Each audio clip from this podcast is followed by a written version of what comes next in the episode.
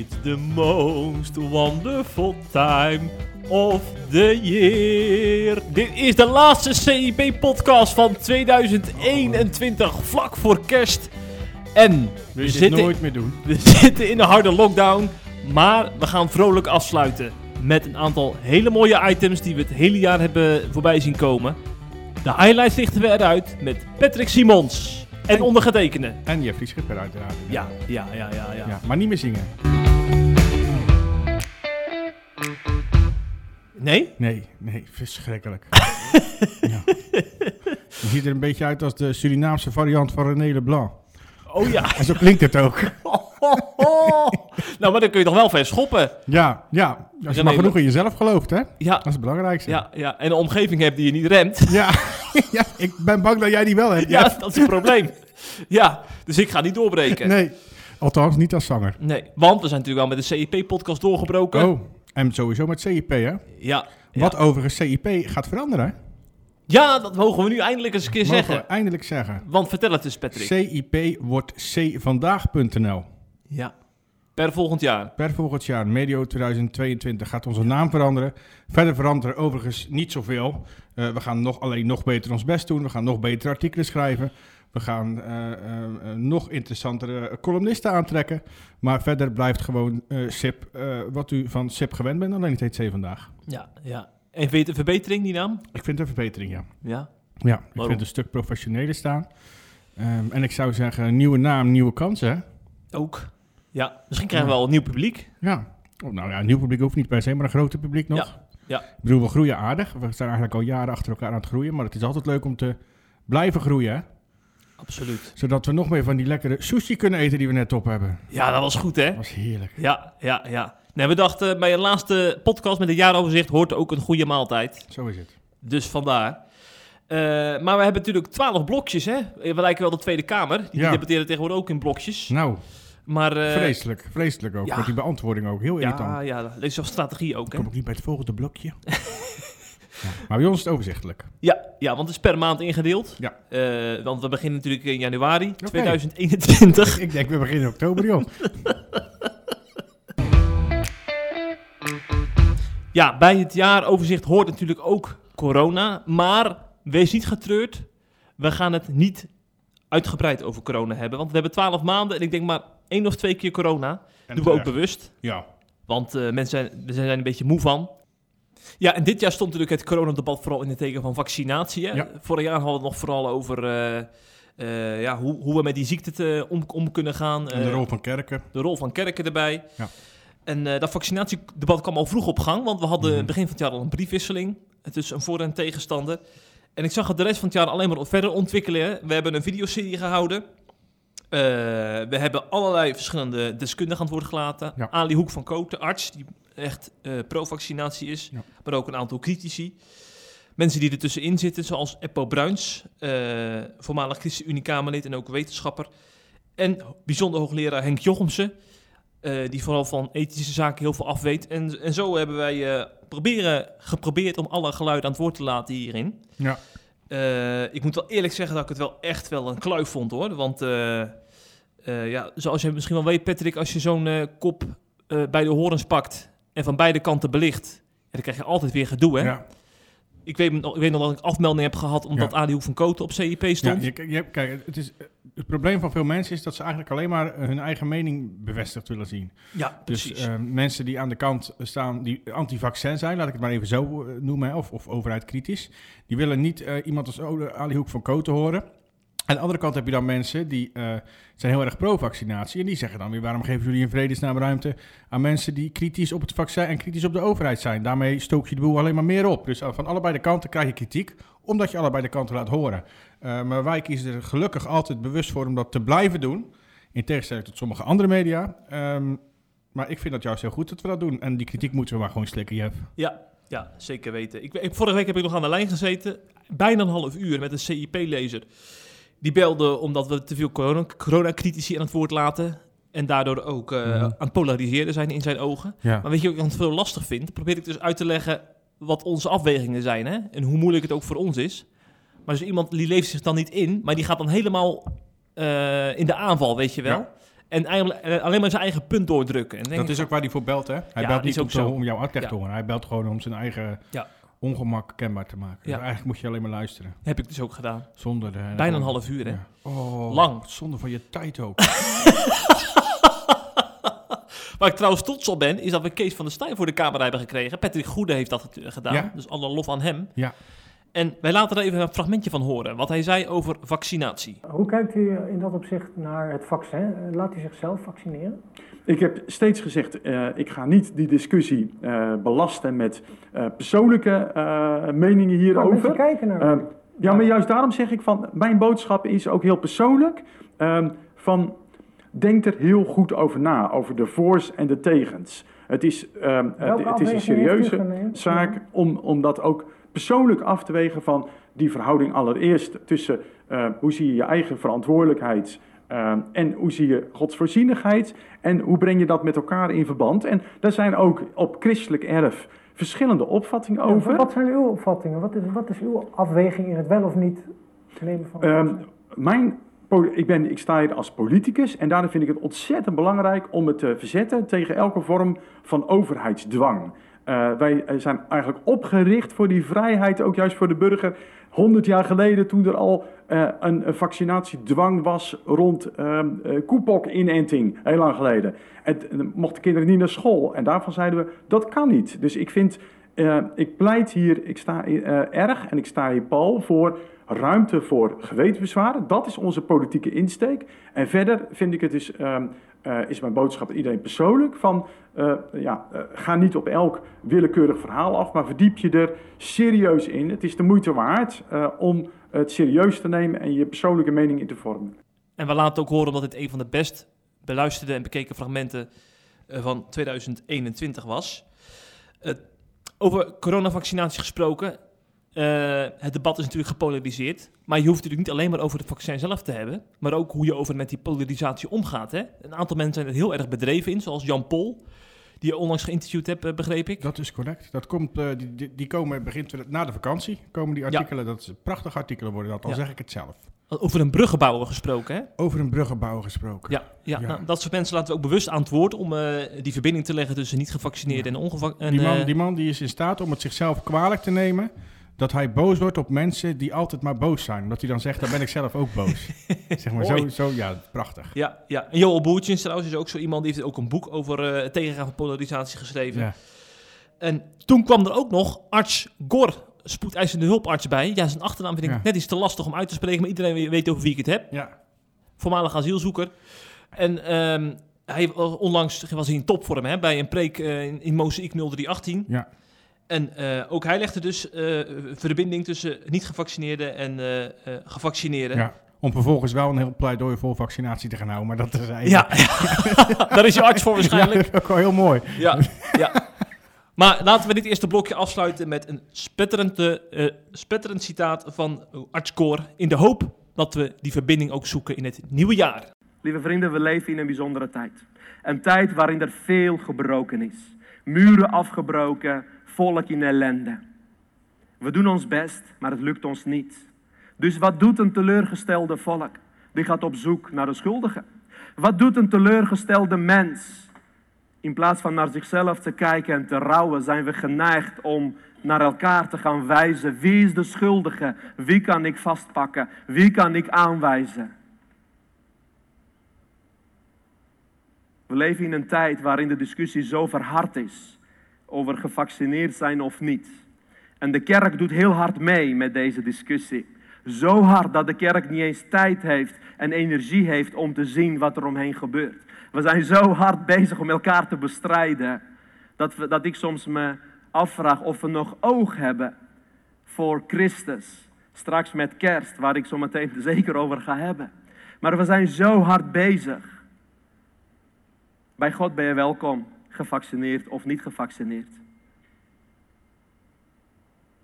Maar de niet gevaccineerden, die zijn zo hard soms campagne aan het voeren tegen dat er ook christenen zijn die stiekem vaccineren. Dat vind ik verdrietig. En andersom, er zijn gevaccineerden die zo hard wijzen naar de niet gevaccineerden, dat die niet eens durven te zeggen dat ze niet gevaccineerd zijn. En beide kampen zijn verhard. Nou, van mij mogen mensen kiezen wat ze willen. Het enige wat ik u wil vragen is om met goede argumenten die keuzes te maken.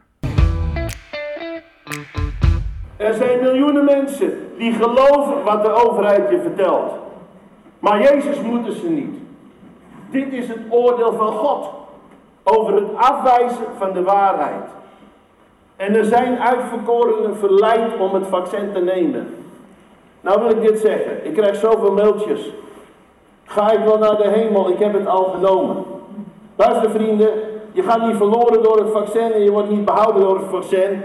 Je wordt behouden door Jezus Christus. Maar het kan wel zijn dat je eerder doodgaat als ik alle berichten bestudeer en alle rotzooi die zit in dit vaccin. Vertellen jullie altijd de waarheid of is het ook een eigen mening? Nee, kijk, de waarheid is een persoon. En de waarheid is onveranderlijk.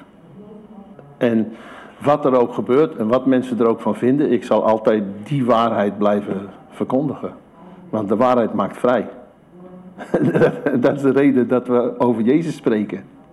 En alleen door hem kun je de hemel binnenkomen. Wat de paus zegt dat je het coronavirus nodig hebt, of het vaccin, om gered te worden, is een leugen uit de hel. Nou Jeffrey, dat brengt ons inderdaad automatisch bij de maand februari. En de man die je net hoorde, eh, komt jou vast wel bekend voor. Want ik meen me te herinneren dat jij hem een keer aan de telefoon heeft geha- hebt gehad. Ja, het was not the news. Dat was Jaap Dieleman. Eh, en we hoorden een fragment dat werd getoond in het tv-programma ehm Danny's Wereld. Ehm, daarin verdiepte Danny Goosen zich een beetje in eh, de wereld van de complottheorie, zoals hij het zelf noemde. Ik wil dat niet zo noemen. En daarbij ging hij onder meer langs eh, christelijke predikanten, eh, evangelisten, pastoors. En Jaap Dieleman was één van hen. We kunnen wel zeggen dat Jaap Dieleman gedurende de coronatijd een van de meest beroemde predikers of evangelisten is geworden in ons land. Ehm, dat komt natuurlijk ook omdat de pers hem heel goed wist te vinden. Als het gaat om bijvoorbeeld eindtijdtheorieën. En niet in de laatste plaats door de magazines die hij bij miljoenen huishoudens heeft verspreid dit jaar. De eerste, eerste, het eerste mag- magazine was in februari. Eh, en de andere was recent, eh, voor mij enkele weken geleden. En in die magazines kopt hij de huidige tijd eigenlijk aan wat er in openbaringen volgens hem voorspeld wordt. En daarbij waarschuwt hij ongelooflijk fel ehm, tegen vaccinatie. Eh, het vaccin is volgens hem namelijk een opmaat naar het teken van het beest. Dus niet het teken van het beest zelf, maar een opmaat naar het teken van het beest. Ehm, en hij bracht de coronapandemie en het vaccin in verband met de aanstaande komst van de antichrist. Maar, en dat is misschien de troost voor sommigen, volgens hem zullen ware gelovigen dat niet meer meemaken, omdat de opname van de gemeente dan al heeft plaatsgevonden. Nou Jeffrey, je kunt zeggen wat je wilt over Jaap Dieleman hè, en over die magazines en over zijn boodschap, maar eh, er zijn hoe dan ook miljoenen mensen bereikt met het evangelie. De terechte vraag die je wat mij betreft daarbij wel kunt stellen is, willen we dat God op die manier bekend wordt gemaakt in Nederland? Eh, maar ik vind wel dat we voorzichtig moeten zijn. Eh, ik sta helemaal niet achter zijn boodschap, laat dat duidelijk zijn. Ik vind het ook theologisch eh, heel warrig. Ehm, maar we moeten voorzichtig zijn met oordelen. En ik ben echt, dat wil ik benadrukken, echt overtuigd van de goede bedoelingen van die man. Ehm, ik denk echt dat hij mensen wil, de goede boodschap, het evangelie van Jezus Christus wil vertellen. Ehm, maar daar moet ik wel gewoon bij zeggen wat ik net ook al een beetje zei.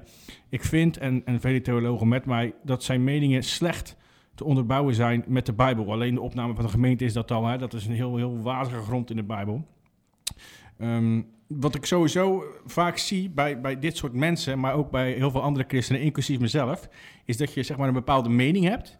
En dat je daar dan eh, bewijzen voor gaat zoeken in de Bijbel. In plaats van dat je de Bijbel leest en dan een mening gaat vormen. Eh, wij doen vaak, we zijn geneigd tot het eerste, hè, van ik vind dit en dan ga ik in de Bijbel nu bewijzen daarvoor zoeken.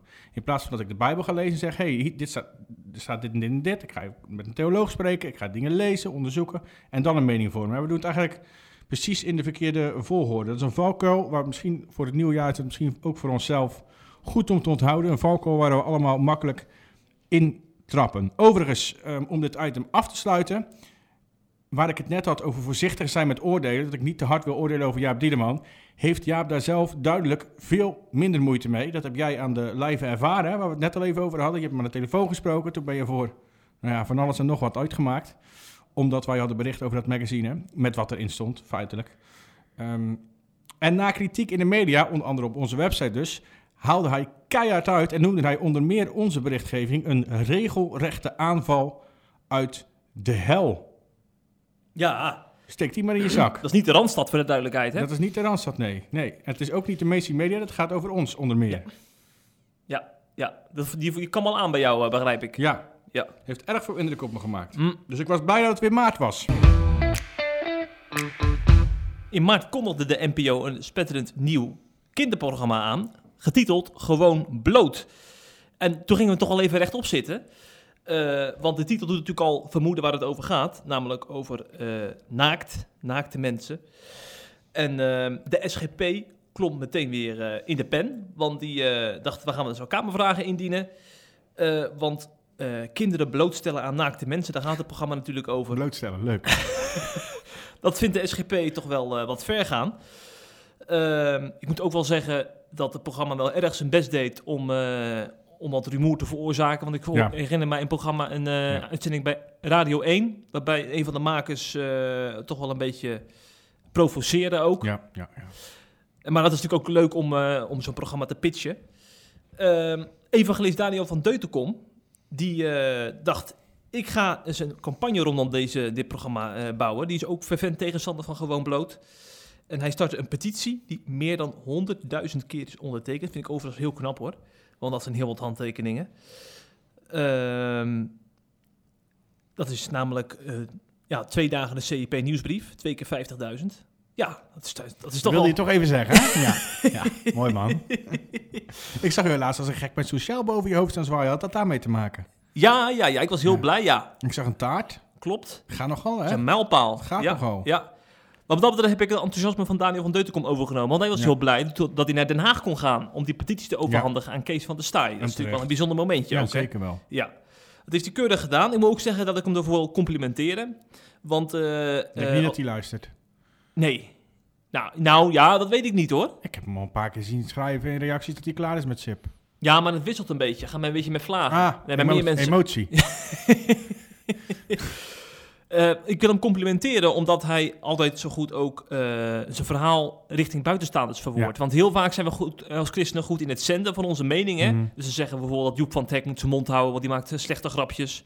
Of eh, Urk wordt belachelijk gemaakt en dan gaan we Amsterdam bashen bijvoorbeeld op Facebook. Maar om nou in gesprek te gaan met iemand die buiten je bubbel eh, zit, dat, dat is natuurlijk een, een tweede wat we vaak niet aandurven, inclusief ik zelf trouwens. Ik vind dat zou dat heel lastig vinden. Maar Daniel van Deutenkom is daar heel goed in. Ik zag hem bijvoorbeeld bij het AD met de interviewer 10 minuten in gesprek gaan op YouTube over gewoon bloot. Ik kreeg hele Ja. kritische vragen, Mhm. maar dan staat hij er toch maar even gewoon. Zo is het. En dat vind ik heel goed van hem. Absoluut mee eens. Ik heb overigens het programma nog teruggekeken, een van de uitzendingen van Gewoon Bloot teruggekeken met mijn vrouw samen. Oh, niet met je kleine? Nee, nee, die was nog te jong toen. en eh, ik zag die kinderen af en toe best ongemakkelijk kijken. Want het is nogal wat als je daar een 65-jarige man in zijn blote tokens eh, voor je ziet staan. Maar, wat, ik- weet je wat me verraste? Dat ze echt hele goede vragen stelden. Dat er daardoor hele inhoudelijke, diepgaande gesprekken daardoor ontstonden. En ik moet eerlijk zeggen, als ik moet kiezen tussen eh, het gesprek over seks doodzwijgen thuis en er helemaal niet over hebben en gewoon bloot kijken, dan kies ik toch voor dat laatste. Want dan gaat het tenminste over. Waarvan akte? Ik ben net die Hans... Wie doet het altijd? Kees Kees, Jansma. Jansma ben jij. Dat is echt erg hoor. Maar dan hoor je eigenlijk dat ik het allemaal onzin vind. Ja, ja, precies. Man, man, man, man, man. Ben je vorige week ook al? Twee weken. Ja, ik... ik het- je kan wel zeggen, als ik kan kiezen tussen helemaal doodzwijgen of gewoon brood, kies ik gewoon brood. Maar dat is natuurlijk een valse tegenstelling. Er is een prima gulden middenweg. Je kan heel eh, open en bloot met je kinderen praten terwijl je je kleren aanhoudt. Hè? Ja, natuurlijk kan dat ook. Zeker. Daar ben ik het helemaal mee eens, Pet. Laat dat duidelijk zijn. Ja. Dat mensen niet gaan denken dat, jij, eh, dat wij hier dadelijk eh, zonder kleren die podcast zitten te doen. Nee, dat gaat mij iets te ver, moet ja, ik zeggen. mij ook. Dan mag je wel wat verder weg gaan zitten. Dan zijn we al aangekomen in april. Ehm, en dat was voor mij de maand, was misschien wel een van de leukste maanden, als ik heel eerlijk ben. Dat was namelijk de maand eh, waarin de discussie over de positie van de vrouw binnen de SGP opnieuw losbarstte. Dat gebeurt eigenlijk eens in de zoveel tijd gebeurt dat sowieso wel. Maar wat mij betreft was er dus wel een belangrijk kantelpunt dit keer. Het lijkt er namelijk steeds meer op dat, eh, of het lijkt erop dat steeds meer SGP-jongeren eh, voor vrouwen in de politiek zijn. Ehm, de SGP Jongeren heeft zelf eh, als organisatie eigenlijk al jarenlang haar functies openstaan voor vrouwen. Maar eh, in april van dit jaar werd er tijdens een congres werden er ook diverse moties ingediend om de moederpartij, dus, dus de, de SGP zelf, zeg maar, op te roepen om vrouwen op de kieslijst te zetten. Nou, die moties werden verworpen, maar toch stemde maar liefst 40% voor deze motie. Dat betekent dus dat bijna de helft van de SGP-jongeren vindt dat vrouwen op de landelijke kieslijst zouden moeten. Ehm, en dat is in het afgelopen decennium, of afgelopen decennia, is dat echt enorm toegenomen. Hè? En dat zegt natuurlijk wat over de toekomst. Sterker nog, ik durf hier wel te voorspellen dat het eigenlijk een kwestie van tijd is voordat ehm, we gewoon de eerste vrouw op de landelijke kieslijst van de SGP zien staan. Ik zou dat persoonlijk mooi vinden, al moet ik er gelijk bij zeggen dat ik het niet zo'n heel belangrijk punt vind. Ik zou er niet eh, een partij om laten scheuren. Ehm, en dat is dan voornamelijk wat ik ook ga hopen, hè? Dat, dat die, dat punt van die vrouw uiteindelijk niet voor een scheuring in de, in de partij gaat zorgen. Want als ik eh, de tegenstanders van een vrouw in de politiek hoor, dan zijn die soms behoorlijk fel. Hè? En dus ik, dan zou eigenlijk, als er dan straks een meerderheid voor is, hou ik mijn hart vast wat die tegenstanders dan eh, gaan doen. Hè? Of ze niet gaan zeggen, dan gaan we een eigen partij beginnen met gereformeerde grondsbeginselen zonder vrouwen. Ehm, en een van die, tegen, van die uitgesproken tegenstanders is natuurlijk Matthijs van der Tang. Ons zeker bekend. Hij schrijft namelijk regelmatig, regelmatig columns voor CIP. En hij is nooit te beroerd om zijn conservatieve meningen met het hele land te delen op Twitter, maar ook elders in andere media. En dat deed hij ook eh, kort na dit congres eh, over vrouwen in de politiek. Hij kwam namelijk langs bij NOS Stories. Ehm, en daar ging hij kort in op wat hij nu eigenlijk vindt van vrouwen in de politiek. Nou, hier kan je natuurlijk van alles van vinden, Jeffrey. Hier kan je van alles van zeggen. Maar dat ga ik mooi niet doen. Misschien behalve dit dan. Ik heb me stiekem enorm vermaakt met dit filmpje. En de daarop volgende ophef en de vele reacties die daar kwamen. Dat geniet Matthijs zelf ook wel een beetje van, heb ik altijd het idee. Ehm, en verder ben ik ehm, persoonlijk vooral benieuwd hoe lang het nu gaat duren voordat SGP-vrouwen echt daadwerkelijk in de nationale politiek terechtkomen. Waarbij ik wil benadrukken dat ze dat vooral moeten doen omdat ze het zelf willen. En niet omdat het moet van de progressieve meute die, naar ik dacht, altijd zoveel keuzevrijheid was, maar eigenlijk nu vrouwen van SGP wil dwingen om de politiek in te gaan. Overigens zien we het lokaal al wel, hè. Ehm, in Vlissingen is er al een raadslid geweest uh, voor de SGP. Um, Paula Schot is uh, um, uh, wethouder namens SGP op dit moment. En waarschijnlijk de komende vier jaar weer, of waarschijnlijk, die kans is groot. en in Dordrecht staat er voor de komende gemeenteraadsverkiezingen ook een vrouw op de kieslijst. Dus je ziet het langzaam maar zeker zie je het toenemen, waarbij sorry dat ik moest zeggen, Zeeland voorop loopt. Zeeland? Jazeker. Ja, Paula Schotschouwen, Duiveland. Die ja. uh, eerste vrouwelijke raadslid was in uh, Vlissingen, Lilian Jansen uit mijn hoofd. Terwijl dat toch een gembolwerk is? Ja, ja, ja. Maar oh. Zeeland is gewoon vooruitstrevend, Jeffrey. Hm. De zeelucht laat je helder, gezond en misschien zelfs wel een beetje progressief nadenken. We zijn er weer aanbeland in de maand mei. In mei ben ik trouwens jarig, op 8 mei. Dus, Hartelijk gefeliciteerd. Ja, bedankt. Ja, 31 ben ik dit jaar geworden. oud. Oud, hè? Oh. Ja, daarom ben ik ook blij dat ik verhuisd ben. Want ik woon nou in een rijtje van vier mensen met allemaal mensen die uh, boven, van, boven de 40 zijn. Een rijtje van vier huizen bedoel je, hoop ik? rijtje van vier huizen, ja. met vier huisgezinnen. Ja, met prachtig al... water achter je, zag ik. Ja, schitterend. Want ik ben alweer bij je wezen logeren, uiteraard. Mm, mm, mm. Ja, we genieten met volle teugen ja, daar. dat begrijp ik helemaal. Het ziet er prachtig uit. We gaan niet zeggen waar, want dan komen de bedreigingen. ja, het is dan zo voor de deur dadelijk. Ja, Dieleman voor de deur straks. Zo, daar moet ik niet aan denken. En dan gaat het toch op Israëlische toestanden lijken, hè? Ja. Want er was weer een, een rakettenregen in de maand nou. mei. Um, ja, één keer in zoveel tijd gebeurt dat natuurlijk. Hè. Dan, uh, uh, dan krijgt Israël het zwaar te verduren. Dan start Hamas start een nieuwe rakettencampagne, als het ware. En zo was het ook dit jaar weer uh, raak. Binnen 48 uur meer dan duizend raketten op Israël.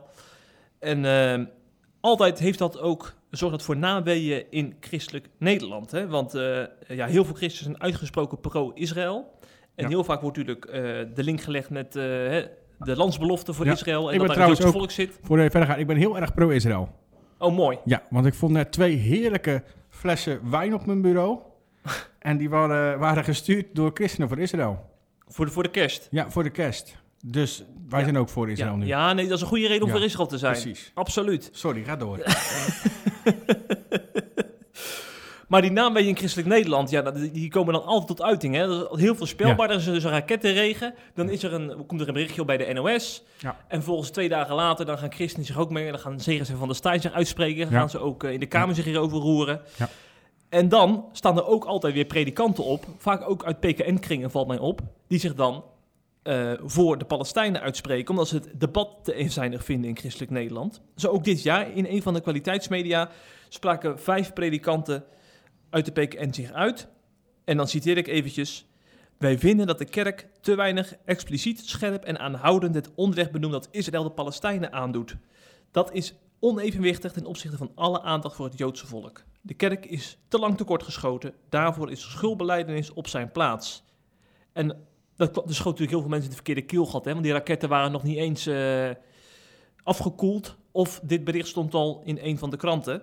Gekoeld ook. En vervolgens hebben wij ook vier dominees aan het woord gelaten. eh, waaronder wie ook Henk Fontijn, die ook aan de kant van... eh, nou, hij is niet helemaal aan de kant van de Palestijnen... maar in ieder geval wat genuanceerder is dan Christen voor Israël, laat ik het zo zeggen. En ook echt pro-Israël predikanten, om ze hierover uit te laten. Maar weet je wat, mij dan toen opviel bij dat artikel? Dus ik had het artikel had ik klaarstaan, veelzijdige geluiden... En op het allerlaatste moment trekt een van de vier predikanten zich terug, want die heeft dan overleg gehad of zo. En die vinden het toch het debat te gevoelig om zich in het openbaar uit te spreken. Wat ik enorm irritant vond. Want ik had dus twee voorstanders en twee tegenstanders als het ware voor dat artikel. En een van de twee tegenstanders trekt zich terug uit het debat. En dan sta je daar in je hemd als journalist met een deadline. Dus ik was not amused. Maar ik snap het ook wel weer. Want blijkbaar, eh, als je je uitspreekt, of het nou gaat om pro-Israël of pro- Mhm. pro-Palestina, eh, ben je dan ook aangeschoten wild in je directe omgeving. En dan zit je daar niet altijd op te wachten als je een eh vooraanstaande positie hebt. Nou, jammer. Vind ik heel jammer. Viel me dit jaar dus ook weer tegen. En het is natuurlijk wachten op de volgende rakettenregen. Want zoals je weet is het een kwestie van tijd Ja. dat het conflict weer oplaait. Ja. Ik wil hier nog wel iets aan toevoegen, want ik las toevallig ehm, vandaag of gisteren ehm, alle resoluties die de Verenigde Naties dit jaar hebben aangenomen. En dan tegen welke landen. En dan gaat het over resoluties bij, over het schenden van mensenrechten. Ehm, en dan zal ik een paar voorbeelden opnoemen. Tegen Noord-Korea. We weten allemaal hoe erg het in Noord-Korea is. Hè? Daar word je afgeslacht als je de leider niet volgt. Als je niet doet wat ze zeggen, word je gewoon in de kamp gezet, afgeslacht. Eén resolutie. Venezuela 1-0. Myanmar, waar moslims vervolgd worden, 1. Pakistan, waar iedereen die geen moslim is, eh, wordt vervolgd. Waar kleine meisjes worden verkracht, waar kleine meisjes worden ontvoerd. De overheid doet daar niks aan. 0. Ehm, Hamas, Palestina denk ik, 0. Turkije, nou hoef ik ook niet uit te leggen, 0. Jemen, waar christenen ook worden vervolgd, 0. China, waar ook christenen worden vervolgd, 0. Saudi-Arabië, 0. Syrië, 1. Irak, 0. Iran, 1. En hoeveel denk je Israël? Het zal boven de vijf zijn. 14. Vol. Dat Ja. is veel. Dus Israël is volgens de VN vele malen erger dan al die landen die ik net opnoemde. En ik zou mensen hoeven maar SIP te lezen en ze weten hoe erg het in die landen is. Dus dat hoef ik verder niet uit te leggen. Maar dat zegt ook genoeg over ehm, de rol die Verenigde Naties speelt in het hele Israël-verhaal. En daar wou ik het graag bij laten. Zijn we bijna alweer op de helft van het jaar, Jeffrey. We zijn in juni aangekomen. Eh, en of je het nou leuk vindt of niet, ik wil het toch even over de politiek hebben. Juni was namelijk de maand waarin de coalitieonderhandelingen... We hebben in maart verkiezingen gehad, hè. En het leek erop dat, eh, in, in, in juni leek het erop dat de coalitieonderhandelingen totaal vastliepen en uitzichtloos leken. Dat komt omdat Kaag in die periode meerdere malen op, in mijn ogen, onfatsoenlijke wijze duidelijk maakte niet met ChristenUnie in een kabinet te willen. Ze vergeleek CU zelfs met een roestige auto, omdat die partij volgens haar niet progressief genoeg is. En daarbij doelde ze uiteraard vooral op medisch-ethische onderwerpen, zoals abortus en voltooid leven. Nou, we kennen het verhaal inmiddels wel uiteraard. Kaag krabbelde schoorvoeten terug en ging vervolgens alsnog met CU onderhandelen. En er is inmiddels zelfs een kabinet met die twee partijen erin. Hetzelfde kabinet als de vorige periode. Ehm, en ik moet, er moet iets van mijn hart. Ik vind het persoonlijk namelijk vooral heel erg knap dat iemand als Gert-Jan Segers, de fractievoorzitter van de ChristenUnie, ehm, dan geen rancune voelt en in staat is om zich twee maanden later daadwerkelijk constructief op te gaan stellen en verantwoordelijkheid te nemen en alsnog met haar gaat onderhandelen. En wat je verder ook van het regeerakkoord vindt, eh, ik heb daar respect voor. En ehm, ik besef dan altijd ook meteen weer hoe ongelooflijk ongeschikt ik voor politiek zou zijn. Want als iemand dat over mij of mijn partij zou zeggen, dan zou ik op het moment dat ze weer wil gaan onderhandelen, gewoon met twee middelvingers in de lucht staan. Niet figuurlijk, letterlijk. Ehm, dus ik heb daar echt, echt heel, heel, eh, heel veel respect voor. Want hij is keihard afgewezen meerdere keren. Eh, en ik wil daarom op deze plek in de maand juni je had het misschien niet verwacht, maar ik wil een lans breken voor Segers en co. Je kunt het namelijk keihard oneens zijn met eh, eh, bepaalde standpunten van de partij, met beslissingen die ze nemen, met eh, de manier waarop ze stemmen, met compromissen die ze sluiten. Dat ben ik ook heel erg vaak met die partij. Ehm, maar ik ben er echt van overtuigd dat bij die mensen, eh, dat die mensen doen wat hen het beste lijkt vanuit het hart van God. Zonder twijfel. Ik ben dan ook helemaal klaar met het schelden dat ik regelmatig op social media en bij CIP tegenkom, bij ons eigen reaguurders. ehm, op, op Segers en op ChristenUnie. Dus ik zou zeggen, laat het een mooi voornemen zijn, ook al zitten we nog maar in juni, dat we elkaar op inhoud gaan bekritiseren. Ook de ChristenUnie, dat mag best. Helemaal, helemaal prima. Maar zonder te gaan smijten met termen als Judas, NSB'er, het duivel zelfs. Eh, want nogmaals, ik ben er persoonlijk tot in het diepst van mijn hart van overtuigd dat de mensen van CU proberen te handelen vanuit Gods geest en daarin proberen om de juiste keuzes te maken. En je weet hoe hardgrondig ik het vaak oneens ben met CU. Eh, maar ze zijn wat mij betreft integer en proberen in het spinnenweb van Den Haag een heel klein beetje licht van Gods liefde uit te stralen. Net als de SGP overigens. Ja, normaal gesproken is juli een echte eh, vakantiemaand waarbij je eh, onder de zonnestralen mag genieten van het leven, vrolijk zijn, ijsjes Heerlijk. eten. Heerlijk. Wijntje drinken. Ja, absoluut. Dat kan bijvoorbeeld in Italië. Maar zo'n vakantie kan dus ook heel anders aflopen. En dat heeft Samuel Boyadi dit jaar van dichtbij meegemaakt. Hij was evangelist. Eh, ook vrij jong, eh, volgens Ja. mij twintiger is, eh, Ja. was hij. Iemand uit de groep van Daniel van Deutenkom, Ja, waar we het net over hadden. Bekende evangelist, influencer. Ja. En hij is hier dan ook, want hij was natuurlijk vermist. Wekenlang dachten we nog, hij zou misschien gevonden kunnen worden. Ja. Dus hij heeft ook crowdfundingsacties is hij gestart op Facebook om geld te doneren om die acties mogelijk te maken. Hij heeft gebedsoproepen ge- verzonden. Maar desondanks, wat is er gebeurd dan? Nou hij, eh, eh, eh, hij was dus aan het zwemmen gewoon voor zijn plezier, In, maar in, in Italië. in Italië. Mhm. Maar op een gegeven moment was, het, ra- raakte die, was hij gewoon uit zicht. Dus mensen die, die, gingen hem toen zoeken en hij was al te ver weg. En jij, jij weet er volgens mij beter, want die meren die zijn zo diep. Ja. als, je daar, als je daar ver- ver- verdrinkt, Ja, ik ben voornamelijk in meren in Frankrijk geweest. En Ja. daar zijn eh, ook wel hele grote meren. En ook wel een paar meren waarin... eh, er zit een bepaalde stroming in sommige meren. De Ja. meeste meren waar ik ben geweest was dat overigens niet zo. Hmm. Plus, eh, ik bleef dan altijd... Mijn vader is ook zo iemand, die gaat dan het meer overzwemmen. En dan kan je wel eens in gevaarlijke stromingen terechtkomen. Die je daaronder trekken bijvoorbeeld. Of waar het ineens heel koud wordt, waardoor je verkrampt raakt. Dan, komt er, dan kom je in een koude stroom Mhm. terecht. Ehm, ik ben zelf niet zo iemand die zoveel risico's houdt in, in alle opzichten van het leven. Eh, dus ik bleef altijd bij de kant. Maar als je echt verder, gaat weg, verder Ja. weg gaat zijn met die grote meer, dan, kan, er- dan kan, kunnen er gevaarlijke situaties ontstaan. Wat waarschijnlijk bij hem ook gebeurd is. ja, ja. En het trieste is dus dat hij tot de dag van vandaag niet gevonden is. Nee. Hè? Dus, eh, eh, en ja, de Italiaanse instanties werkten ook niet bepaald mee, Nee. begreep ik. Ze hebben ook echt geklaagd in het AD onder Klopt, andere. ja, die, ja. En eh, vrienden van hem. Ja, en de petitie aangeboden bij, de, bij het ministerie, geloof ik. Hè? Buitenlandse Zaken.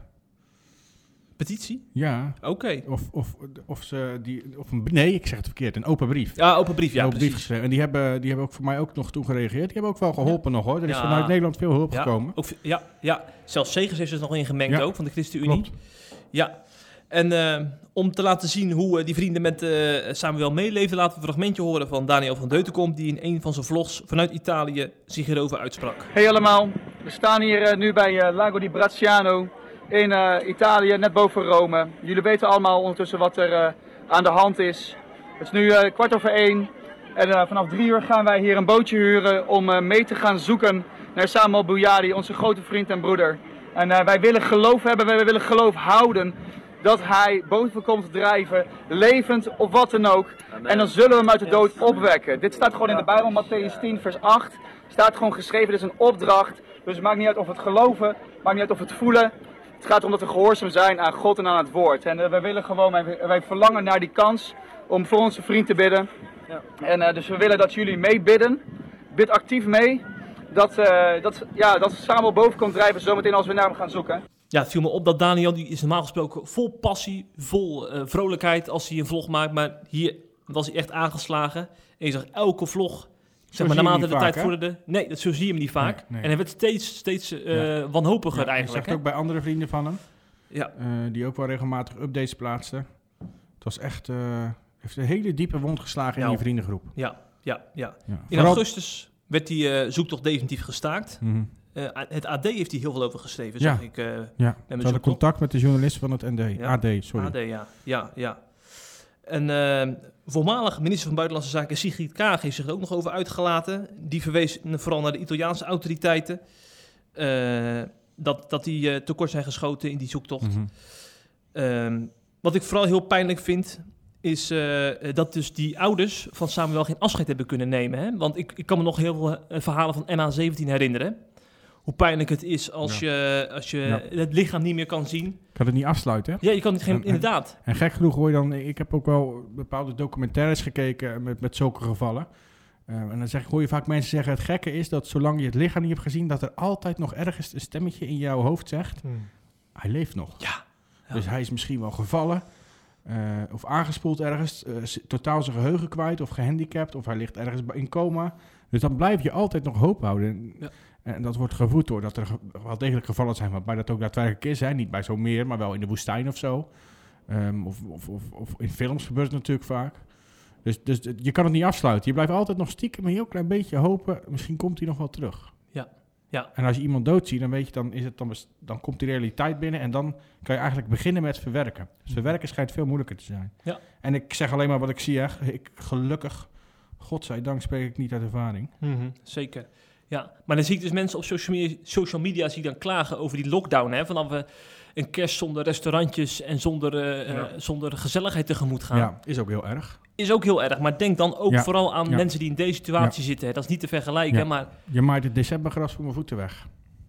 wat zeg je nou? Je maait het decembergras voor mijn voeten weg. Daar ga, ik in, daar ga ik het in december nog over hebben. Oh ja, oh, oh, oh, letterlijk. Ja, over nou wel wat iets anders, maar dat we niet zo moeten zeuren. Ja, precies, precies. Ja. En eh, ja, ik zou bijna zeggen, eh, bid voor die, voor die familie ook. eh, Nog steeds. Ja, Absoluut. juist in deze tijden. Augustus, Jeffrey, de mooiste maand van het jaar wat mij betreft. Want dan hebben we vaak vakantie, dat is één. Eh, ten tweede ben ik dan jarig. Eh, en in tegenstelling tot jou ga ik niet zeggen hoe oud ik ben geworden, want ik ben veel te oud. Ehm, augustus was ook de maand waarin eh, ons allerbekende dominee Kort te horen kreeg dat hij moest verschijnen voor een hoorzitting. Wat was namelijk het geval? Ik vind sowieso dat dominee Kort in dit jaaroverzicht absoluut niet mag ontbreken.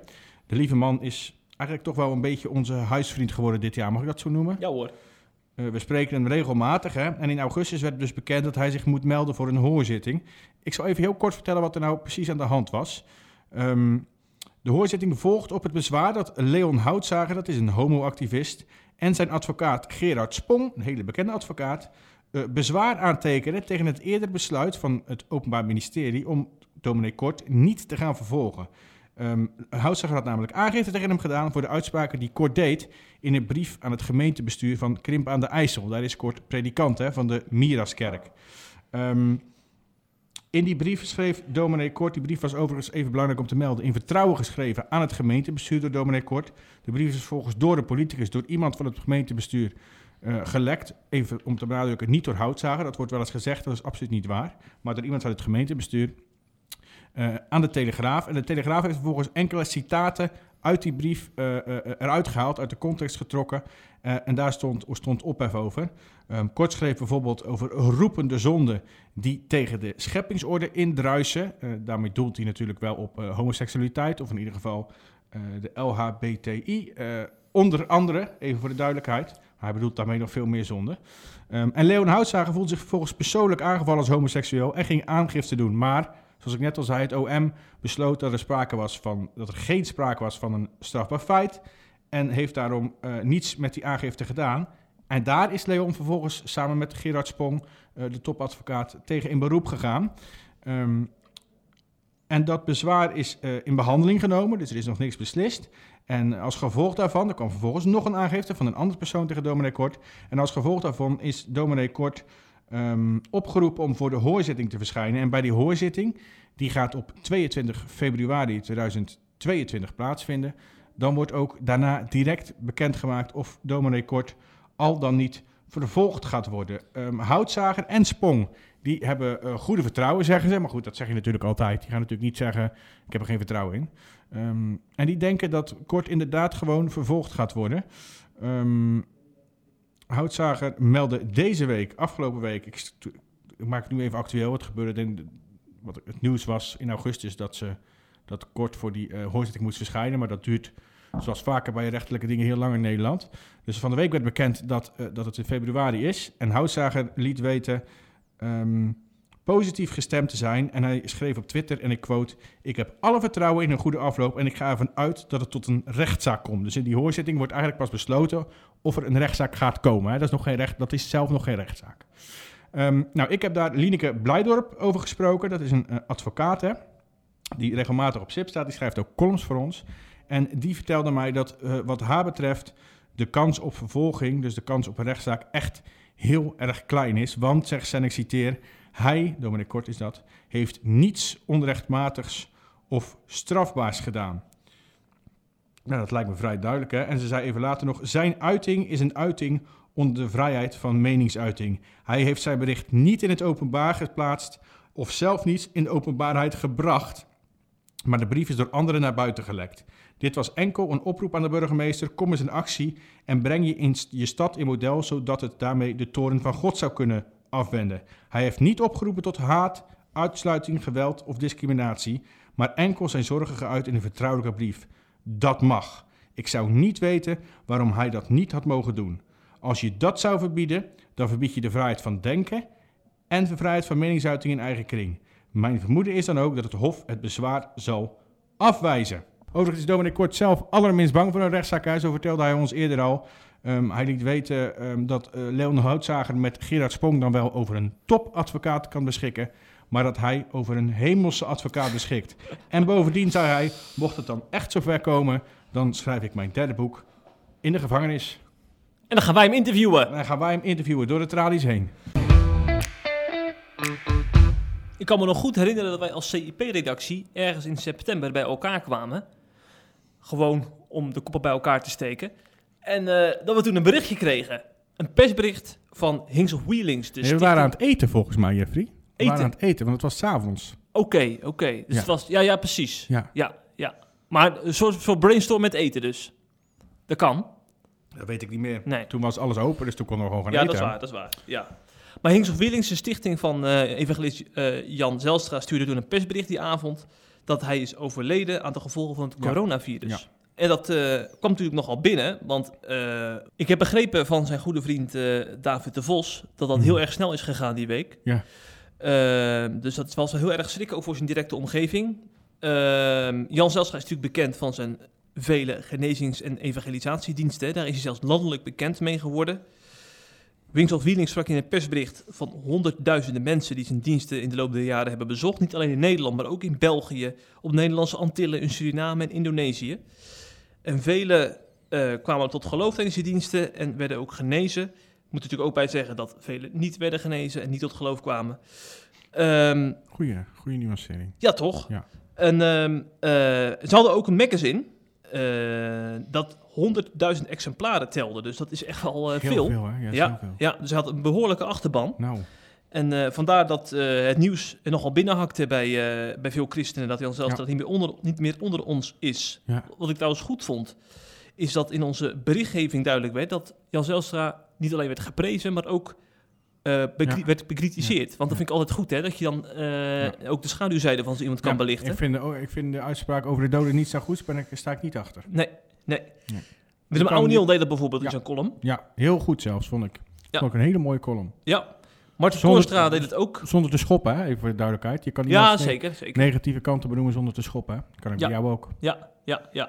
Want om even een beetje bij de naam te noemen, Zelstra is gewoon een haantje, laten we daar eerlijk Ja. in zijn. Autoritaire man. Ja, dus hij kan gemeentes opbouwen, maar hij kan het ook, ook voor verdeeldheid zorgen door zijn mening door te Nou, drukken. En dat is ook een paar keer En daardoor zijn, hè? is Ja. ook, zijn de kerken gescheurd. Ja, Is ook, heeft ook verzoening plaatsgevonden, moeten we eerlijk ook toegeven. heel mooi. Ja. Heel mooi. Ja, dus dat, dat, eh, dat is ook weer heel mooi dat hij vergeving ook eh, concreet maakt, zo, op die manier. Ja. Eh, maar goed, die, die kant werd dus belicht in eh, artikelen op CIP.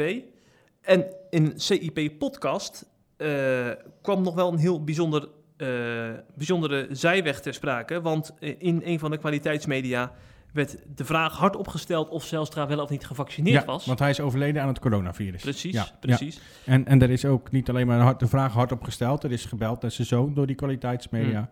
Hmm. Ehm, met de vraag, was hij wel of niet ge- gevaccineerd? Kort na zijn overlijden al, volgens mij. Ja. Of misschien Ja. zelfs voor zijn overlijden al. Ja. Toen hij nog ziek was. Dat zou ook goed kunnen. Dus eh, ik zag ook op social media heel vaak die vraag voorbij komen. Dus ik dacht, waar hebben ze dat nou van? Maar dat is dus, heeft een soort vliegwiel-effect gehad. Ja. Dat heel veel mensen die vraag eh, zich gingen Logisch afstellen. hoor, dat mensen Ja. dat afvragen. Vind ik helemaal niet inderdaad. Want Ja. hij, even de duidelijkheid, hij is dus overleden aan het coronavirus. Mhm. Ja. Eh, en zijn zoon heeft natuurlijk ge, ge- doet geen uitspraken over, hè? Wat heel verstandig is natuurlijk. Want daar gaat het helemaal niet om op zo'n moment. Precies. Andries Knevel in de CIP-podcast zei wat hij hiervan vond. Eh, vaccinaties privé. Heel erg eh, privé. Dat merk je hè? Ehm, in eh, de discussies in Nederland over wat mag je laten zien en wie mag het zien. En hoe zit het met die QR-code en kan iemand anders erin kijken, noem maar op. Ik vind, daar wordt in Nederland ontzettend goed de nadruk op gelegd. Soms zelfs iets te veel. Ja, dan heb ik niet over vaccinatie, maar over meerdere dingen. En tegelijkertijd begrijp ik de vraag van het Nederlands Dagblad wel.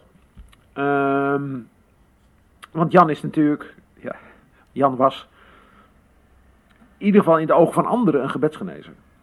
Ja. Ehm, dus dat, dat dan de vraag in het achterland van Jan opkomt van, zou hij zich nou zelf hebben laten vaccineren als oude man, 82, met onderliggende ziektes. Hè? Een paar jaar geleden heeft hij een hartinfarct gehad. Eh, en misschien had hij wel meer, dat weet ik niet. Of wat zou zo iemand, wat zou zo'n geestelijk leider nou gedaan hebben rondom vaccinatie? Ja, dat die vraag bij de redactie van het Nederlands Dagblad is opgekomen, dat begrijp ik wel. Ja. En dat zijn zoon dan zegt om privéredenen. eh ja, daar ga ik geen antwoord op geven. Dat begrijp ik ook weer. Ehm, dus ik begrijp beide kanten eigenlijk. Ehm, kijk, als, als, eh, ik weet, als er een voetballer overlijdt, een voorbeeld, dan ga je niet denken van zou die wel of niet gevaccineerd zijn. Ik denk het niet. Als een, toch maar eventjes, een gebedsgenezer overlijdt, die in de risicogroep zit, ja, dan denk ik dat, dat, ja, dat de achterban dan wil weten, zou die het nou zelf wel of niet gedaan hebben. Ja. Maar ik wil vooral afsluiten, niet met een nieuwe vaccinatiediscussie, maar met een van de mooiste uitspraken van Jan Zelstra. Want jij, Patrick, hebt acht inspirerende quotes van Zelstra op een rijtje gezet, eh eh, naar aanleiding van zijn overlijden. Ja. En jij citeerde onder andere wat hij eh, tegenover Trouw zei. Dat ging over zijn motto, hè? Zijn Mhm. motto is, ga richting Jezus, ga richting het wonder. En Zelstra zei toen in Trouw, dat motto, ga richting Jezus, ga richting het wonder, hebben we altijd gebruikt. Dat is het allerbelangrijkste. Mij mogen ze vergeten, als ze hem maar niet vergeten. Ik wijs alleen maar mensen de weg. Verwacht niet van een mens, maar van Jezus. This is all wrong. I shouldn't be up here. I should be back in school on the other side of the ocean. Yet you all come to us young people for hope. How dare you? You have stolen my dreams and my childhood with your empty words, and yet I'm one of the lucky ones. People are suffering, people are dying, entire ecosystems are collapsing. We are in the beginning of a mass extinction, and all you can talk about is money and fairy tales of eternal economic growth. How dare you! Nou Jeffrey, welk hysterisch meisje hoorden we hier, denk je? Ja, dat zal niet mijn dochter zijn, want die zit nog in de, in de buik. Ja, oh, jij wordt weer vader, hè? Ja, ja, ja. Gefeliciteerd nog. Ik weet niet of de luisteraars dat wel al weten. Dat ik vader word. Ja. Ja, we hebben niet breed Nee, aangekondigd nee. inderdaad. Helemaal niet dat een dochter is. Oh, wel, dat heb je op Facebook gezet, je vrouw, zag ik. Ja, ja. Maar goed, dit was een ander meisje. Die zit Mhm. niet meer in de baarmoeder, al gedraagt ze zich af en toe wel als een baby. dit is namelijk eh, Greta Thunberg. Zeg ik de naam goed zo? Thunberg, ook wel bekend als het klimaatmeisje, als de onbetwiste leider van eh, de klimaatbeweging, die, ehm, als je het mij vraagt, een soort van nieuwe religie aan het worden is in de wereld. Eh, en steeds meer christenen sluiten zich ook aan bij die klimaatlobby, ehm, die eigenlijk als doel heeft om ons hele leven op zijn kop te gooien voor het klimaat, tussen haakjes, zonder dat zeker is of en hoeveel invloed eh, ons gedrag daarop heeft. Ehm, als het gaan veranderen bedoel ik, hè? dat we het mede hebben veroorzaakt, staat wel vast. Ehm, het klimaat, eh, vind ik soms, lijkt wel het nieuwe evangelie geworden te zijn. Althans, eh, als ik christenen zie die zich soms op een enorme fanatieke wijze voor het klimaat inzetten, dan zou ik soms denken, waren ze maar zo fanatiek in het verspreiden van de boodschap van Jezus. En let wel, ik ben uiteraard sarcastisch over de hele klimaatlobby. Maar ik ontken zeker niet dat er klimaatverandering is. Ik ontken ook niet dat dit voor grote problemen zorgt. En wellicht voor nog veel grotere problemen gaat zorgen. En ik ben er ook voor dat we er iets aan gaan doen. Eh, en dat we juist als christenen verantwoordelijkheid met, verantwoordelijk met de schepping om moeten gaan. Dat gezegd hebbend wil ik wel zeggen dat ik me enorm verzet tegen de maakbaarheidsgedachte dat wij alles in eigen hand hebben, dus ook het klimaat. Dat wij door ons gedrag te veranderen het volledige klimaat gaan redden. Ik, daar geloof ik niet in, sorry. Uh, en dan het gedram van sommige christenen op dit gebied, daar word ik echt wel een beetje moe van. Nou vraag jij natuurlijk af, waarom zeg ik dit nou typisch of uitgerekend in oktober? Want we zijn inmiddels aangeland in de maand oktober. Hè? Nou, dat is het volgende. In het begin van die maand schreven bijna 200 theologen een brief aan de PKN. Het waren dus allemaal theologen die iets met de PKN te maken hadden. En in die brief stond een klimaatoproep. How dare you! In de brief is men kritisch op het jaarthema dat door de PKN gekozen is. Het jaarthema is namelijk van u is de toekomst. En dat kan mensen volgens de schrijvers in de verleiding brengen om de worsteling met het onrecht uit de weg te gaan. Dat wij als bevoorrechte leden van een rijke westerse samenleving andere wereldbewoners en de aarde waarop we leven aandoen.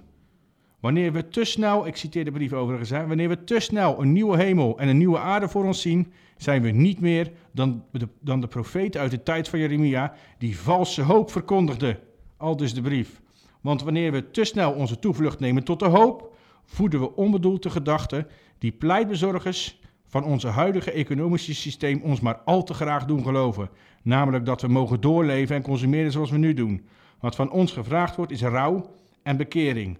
Ons vertrouwen op Gods toekomst mag ons de kracht geven om te geloven dat andere wegen mogelijk zijn, maar mag nooit ook maar de geringste aanleiding geven om onze verantwoordelijkheid uit de weg te gaan. Dezelfde maand, Jeffrey, ging Christian Climate Action, dat is dezelfde groep die mede deze brief heeft uh, geïnitieerd. Um, ik noem ze ook wel een club maakbaarheidschristenen, op grond van wat ik net vertelde. Um, die, gingen, die vinden het klimaat verreweg het belangrijkste thema. Dat zie je uiteraard aan hun naam ook. En die gingen dezelfde maand nog, eind oktober geloof ik, uh, mee actie voeren met Extension Rebellion. Dat is een uiterst uh, dubieuze club wat mij betreft. Die dwars tegen Greenpeace-achtig, die tegen, over, tegen regels en wetten van overheden ingaat. Omdat ze vinden dat hun punt belangrijker is. En Christian Climate ging samen met hen een weg blokkeren, of verschillende wegen blokkeren, in Den Haag. Um, dus eigenlijk christenen die burgerlijke ongehoorzaamheid wel prima vinden. How dare you! Um, een van de initiatiefnemers daarvan, dat is Jan Wolsheimer, dat is ons zeker niet onbekend. Die zei eerder al tegen, uh, tegenover SIP, tegenover mij, um, dat uh, burgerlijke ongehoorzaamheid wat hem betreft prima is voor zo'n groot doel als het klimaat. Um, en wat mij opviel is dat tijdens die blokkade waar ik het net over had, daar werd zelfs, terwijl ze dus op dat moment ongehoorzaam waren aan wetten en regels in ons land, werd er avondmaal gevierd. Nou Jeffrey, iets zegt mij dat dit niet is wat Jezus bedoelde met doe dit tot mijn gedachtenis. Vervolgens uh, besloot de politie dat het genoeg was geweest en uh, de, de, de, blokkade op te heffen hè, of op te breken. En tijdens dat opbreken van die blokkade ging het even mis uh, en werd er zelfs een predikant ge, gearresteerd door de politie. Dat is namelijk Rosemarijn van het Einde. Um, ze overigens trouwens niet de eerste keer, ze is al meerdere keren gearresteerd. Is een, een echte activistische predikant, laten we het zo noemen. En ik heb haar gesproken daarna over uh, wat er nou precies gebeurd is en waarom ze meedoet aan die acties. En uh, hoe ze dan kijkt naar burgerlijke ongehoorzaamheid als christen. En toen zei ze tegen mij, nu de overheid haar taak niet serieus neemt, en dat bedoelt ze met het klimaat, vind ik dat burgers de wet mogen overtreden om dat aan de kaak te stellen. Daarnaast heb ik als christen een veel hogere wet dan die van mijn land, namelijk de wet van God. Gods prachtige schepping wordt door ons mensen om zeep gebracht, met name door welvarende landen als Nederland. Dus moet ik alle democratische middelen gebruiken die ik ter beschikking heb om hier tegen in opstand te komen. Daar hoort ook burgerlijke ongehoorzaamheid bij. Ik, ik wist trouwens niet dat burgerlijke ongehoorzaamheid een democratisch middel was. Ja, dat is ook nieuw voor ja. mij. Met de coronaregels zeggen ze dit niet nee, trouwens. Hè? Precies. Uh, in ieder geval, um, ik, ik zou zeggen, we roepen bij deze de maand oktober uit tot uh, de klimaatmaand van het jaar 2021. Laten we dat volgend jaar ook doen. De rest van de elf maanden hoef ik ze niet te horen. How dare you! Ja, als we het hebben over 2021, dan kunnen we eigenlijk niet om Mozaïek heen. De snel groeiende kerk, begonnen in Veenendaal, hè, Mozaïek 0318, maar inmiddels ook uitgebreid aan meerdere plekken in Nederland. In Nijkerk, Mozaïek 033. Maar ook in de grote steden komen ze nu. Mozaïek 020, Mozaïek 010 En zo kan ik nog wel een tijdje doorgaan. Ook in Leiden komt er een mozaïek, mozaïek 071. En daar gaat Martijn Rutgers leiding aan geven als voorganger. Hm. Dat kwam in november in het nieuws. En het viel mij op. eh, ze, dat pikken, we- ze pikken niet alleen maar de, de leden bij de kerken weg, maar ook de voorgangers, hè? Nou, maar ik moet zeggen, bij voorgangers komt het wel vaak vanuit de voorgangers zelf, hoor. Ja. Want die zijn dan bijvoorbeeld ergens zijn ze op een dood spoor gekomen... en dan blaast nu, nu Mozaïek zijn nieuw leven in. En vaak begint het al bij hun. Wat een mooie beeldspraak je hebt. En eh, eh, in november kwam dit dus in het nieuws. Maar wat mij dus opviel, hoe vaak dat bericht werd aangeklikt. Want je zou toch zeggen, Martijn Rutgers naar Mozaïek... dat is niet per se het, het nieuws van Messi naar Paris Saint-Germain, zou ik maar zeggen. Maar toch, in dit soort aantallen wordt het wel eh, aangeklikt bij CIP. En ik denk dat dat ook een reden heeft. Eh, want ehm, het is namelijk, hè, dat heeft ook de, een van de kerkredacteuren van een kwaliteitskrant heeft dat geanalyseerd. Eh, er zit een grotere beweging achter. We hebben al Joël Boertjens, die Mozaïek 020 is begonnen. We hebben dominee Is Maaswinkel, die de Nederlandse gereformeerde kerk heeft verlaten om bij Mozaïek 010 aan de slag te gaan. Dus voorgangers die voelen zich blijkbaar zich, eh, aangesloten bij een beweging Ja. die helemaal bij hen aansluit. En, eh, eh, en waardoor ze dus Jezus op een nieuwe manier kunnen dienen. En dat brengen ze dan ook vol bombardie, want ze zijn helemaal trots op. Ja. Ja, en dan mooi, denk hè? ik, er zit, er zit dus dus- meer achter. Ja, daar zit, dat, daar zit natuurlijk ook, dat wordt zo ook wel een beetje aangeraden om dat met zoveel bombardie te zeker. brengen. zeker een beetje maar laten we niet vergeten, ik vind het een prachtige kerk. Ik, Mhm. Zoals je weet volg ik de dienst elke zondag. En ik vind Kijk. het fantastisch, mozaïek. Eh, maar laten we niet vergeten dat naast dat het echt een fijne kerk is, dat het ook wel gewoon een hele goede marketingafdeling heeft. Hè? Doen ze goed, hè? Ja. Ja, ja, ja. Ja, en dat, daar zijn we trouwens ook goed in. ja, wij zijn er ook heel goed in. Ja, schamen we ons ook absoluut niet voor. Waar moest die sushi anders van betaald worden? Maar Martijn Rutgers, die, eh, eh, die zei dan ook in zijn aankondiging dat hij naar de Mozaïek gaat... eh, dat hij zich zo thuis voelt bij Mozaïek, omdat Mozaïek staat voor een kunstwerk van gebrokenheid... waar Gods licht op opschijnt en waardoor iets van zijn schoonheid zichtbaar mag worden. Dat kunstwerk van gebrokenheid, dat zie ik dus overal Ja, dat- terugkomen, Dat hè? noemen ze elke keer. Iedereen die, elke voorganger die daar komt, die noemt dat. Ja, Dus waarschijnlijk krijgen ze een A4'tje toegestuurd. Als je met de pers gaat delen of als je op social media gaat delen, zeg dit. Ja, En dan dat, dat staat dat kunstwerk van gebrokenheid sowieso in. Ja, Want ja, ja. ook als ze in talkshows zitten of zo, voorgangers, dan noemen ze dat ook elke keer. Mhm, Moet je maar eens op mhm. letten. Het wordt, Ja. komt heel vaak ter sprake. Ja, ja, ja, ja. Overigens wel een heel mooi voorbeeld. Zeker, want ik heb een keer, met, eh, ook dit jaar trouwens, met Arjen ten Brinke, een van die Mhm. Mozaïekvoorgangers, eh, gezeten. En die zegt dan inderdaad, die stottert af en toe nog wel eens. En die zegt dan dat hij het dan juist mooi vindt aan Mozaïek, dat, dat ze daar niet moeilijk over doen, dat hij gewoon altijd op podium mag. Ja.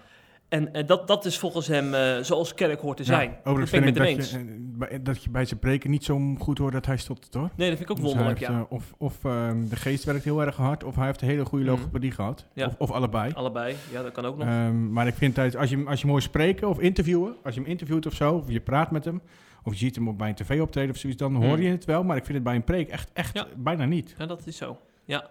Dus we gaan in 2022 ook nog veel van Mozaïek horen. Ja, Ik wil nog wel even een tweet meegeven van een christelijk gereformeerde dominee uit Apeldoorn, Oh genaamd jee. Arjan Witsier. Oh, daar hou je je har- hart al vast. ja, daar ga ik al. Ehm, hij zegt namelijk, eh, bijzonder die reclame van Mozaïek in het Nederlands Dagblad. Die leest hij blijkbaar. Welke krant? het Nederlands Dagblad. Wat Mozaïek verder populair maakt onder voorgangers is dat de gemeente een plek is waar iedereen welkom is, ook met gebrokenheid. Ja. Citaat uit het ND. En dan zegt die Witsier dus, ze lijken wel wat op Jezus. Andere kerken zouden, houden hier zich natuurlijk verder van, zegt hij wat ironisch. Dus met andere woorden, we doen natuurlijk net alsof een kunstwerk van gebrokenheid echt alleen maar iets van Mozaïek is. Maar in principe zou iedere kerk dat natuurlijk moeten hebben. Hè, laten we eerlijk zijn. ehm, eh, het zou toch heel gek zijn als je eh, bij een kerk zit. waarbij alleen maar eh, mensen die in, het, in het juiste plaatje. In het juiste, die de juiste opleiding gedaan hebben. die zeg maar de juiste dingen zeggen. dat Ja. die alleen maar in die kerk welkom Nou ja. zijn. Dat is natuurlijk nergens zo Nou, in principe. Nou, nou, nou, ik ken wel kerken waar je alleen maar binnen mag als je een rok hebt, hoor. Of als je een hoedje draagt. Ja, dus met andere woorden. Of als je bepaalde belijdenisschriften Ja. die niet per se in de Bijbel staan, dus niet onfeilbaar zijn, onderschrijft. Ja. Nou ben je trouwens dan eh, om lid te worden aan het avondmaal te mogen dan en niet om, om naar de kerk te mogen, maar Ja. toch. Ja, dat is goed dat je dat zegt. Want ik denk dus inderdaad, eh, waarom dit zoveel oproept, denk Mhm. ik dus dat, dat, dat kerken ook echt een spiegel voorhoudt. Blijkbaar is er in het verleden, in de kerkgeschiedenis, is het ergens wat misgegaan of zo. Waardoor Mhm. een hele grote groep nu in, bij zo'n kerk Ja. dat Ja. heel hard naroept. Kunstwerk van gebrokenheid. Absoluut. Dus ik stel ook voor in 2022, joh, kerken, Ja. ga je bezinnen. Ja. eh, pak iets als goed voornemen aan. Ja. Zijn, er, zijn we er voldoende in geslaagd om dat kunstwerk van gebrokenheid te Ja. zijn? Absoluut. En bel Arjen ten Brinke voor tips. Wat een mooie, wat een mooie oproep. Overigens noem ik nou net twee, drie voorbeelden die in de reformatorische kerk aan de hand zijn. Die is, vind je ook in evangelische kerken. Zeker, ik ken overal, evangelische kerken ehm, in Tolen, alleen al één. Ja. Ehm, als je niet jezelf als volwassene laat dopen, maar gezegd ik ben als kind al gedoopt, dan Ja. mag je ook gewoon niet, eh, mag je geen volwaardig lid zijn of zo, of niet aan het avondmaal deelnemen. Ja, dus het komt overal voor. Weet je, dus dat is eigenlijk precies hetzelfde. En dat vind ik nou echt knap van muziek. Hmm. Of jij nou voor kinderdoop kiest of je als volwassene. Ze zeggen wel waar ze zelf voor staan. Dat is voor mij gewoon een volwassen doop. Maar je bent altijd welkom. Iedereen is welkom, ongeacht wie je bent, welk geslacht je bent, eh, wat je seksuele geaardheid is, of je een relatie hebt met iemand van hetzelfde geslacht of niet. Dat zegt niet dat ze het allemaal goedkeuren. Ze zeggen gewoon iedereen is welkom. En ik denk dat dat een heel goed uitgangspunt voor een kerk is. Sterker nog, ik denk dat dat het uitgangspunt van Jezus was. Dan zijn we alweer bij de allerlaatste maand van het jaar gekomen, Jeffrey. En dat is de maand waarin we nu leven. Dus ik zou zeggen, ja, wat zullen wij dan nog zeggen? We hebben al zoveel besproken. Moet ik het weer over een lockdown gaan hebben? Moet ik het over het regeerakkoord gaan hebben? Moet ik het eh, over de soms zieke focus van media en politici op het kleine percentage christenen dat zich niet vaccineerd gaan hebben? Of moet ik gaan klagen dat wij het zo slecht hebben? Of dat wij zo slecht behandeld worden als christenen? En dat laatste wil ik eigenlijk iets dieper op ingaan, want ik heb er eigenlijk helemaal geen zin in. En daarom wil ik de laatste maand van het jaar gebruiken, Jeffrey, om nogmaals aandacht te vragen voor vervolgde christenen. Want als je SIP goed leest, hè, dan hebben wij elke week of bijna elke dag wel berichten van mensen die worden getreiterd, achtergesteld, gepest, mishandeld, verkracht, vermoord, in de brand gestoken, alleen maar omdat ze in Jezus geloven. Mensen die weigeren om hem te verloochenen onder de meest erbarmelijke omstandigheden, terwijl jij en ik, hè, wij kennen onszelf een beetje al gaan klagen als we een nachtje slecht slapen. En ik zou zo graag willen dat daar nu eens in de politiek veel meer aandacht voor is, in plaats van dat alleen maar de eh, ChristenUnie, de SGP en ook Ja21, want die verrast heel erg op dit thema, vind ik. Eh, want alleen die drie partijen vragen daar eigenlijk aandacht voor.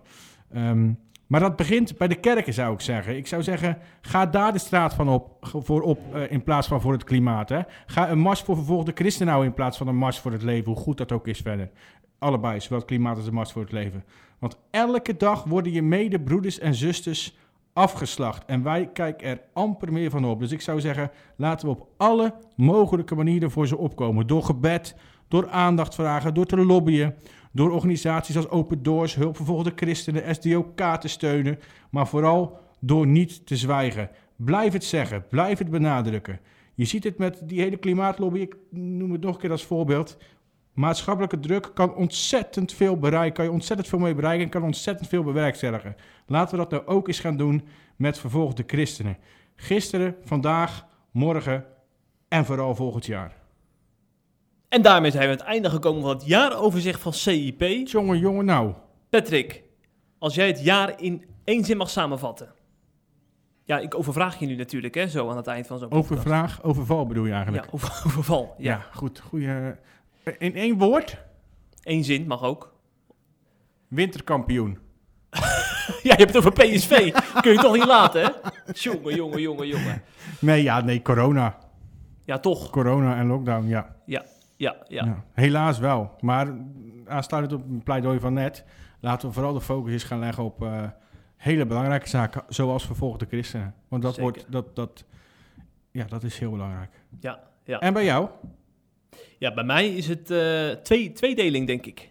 Ja, Hm. ik, ben, ik ben zo ontzettend teleurgesteld in eh, hoe mensen met elkaar omgaan in deze coronacrisis. En met name als het gaat over die vaccinatiediscussie.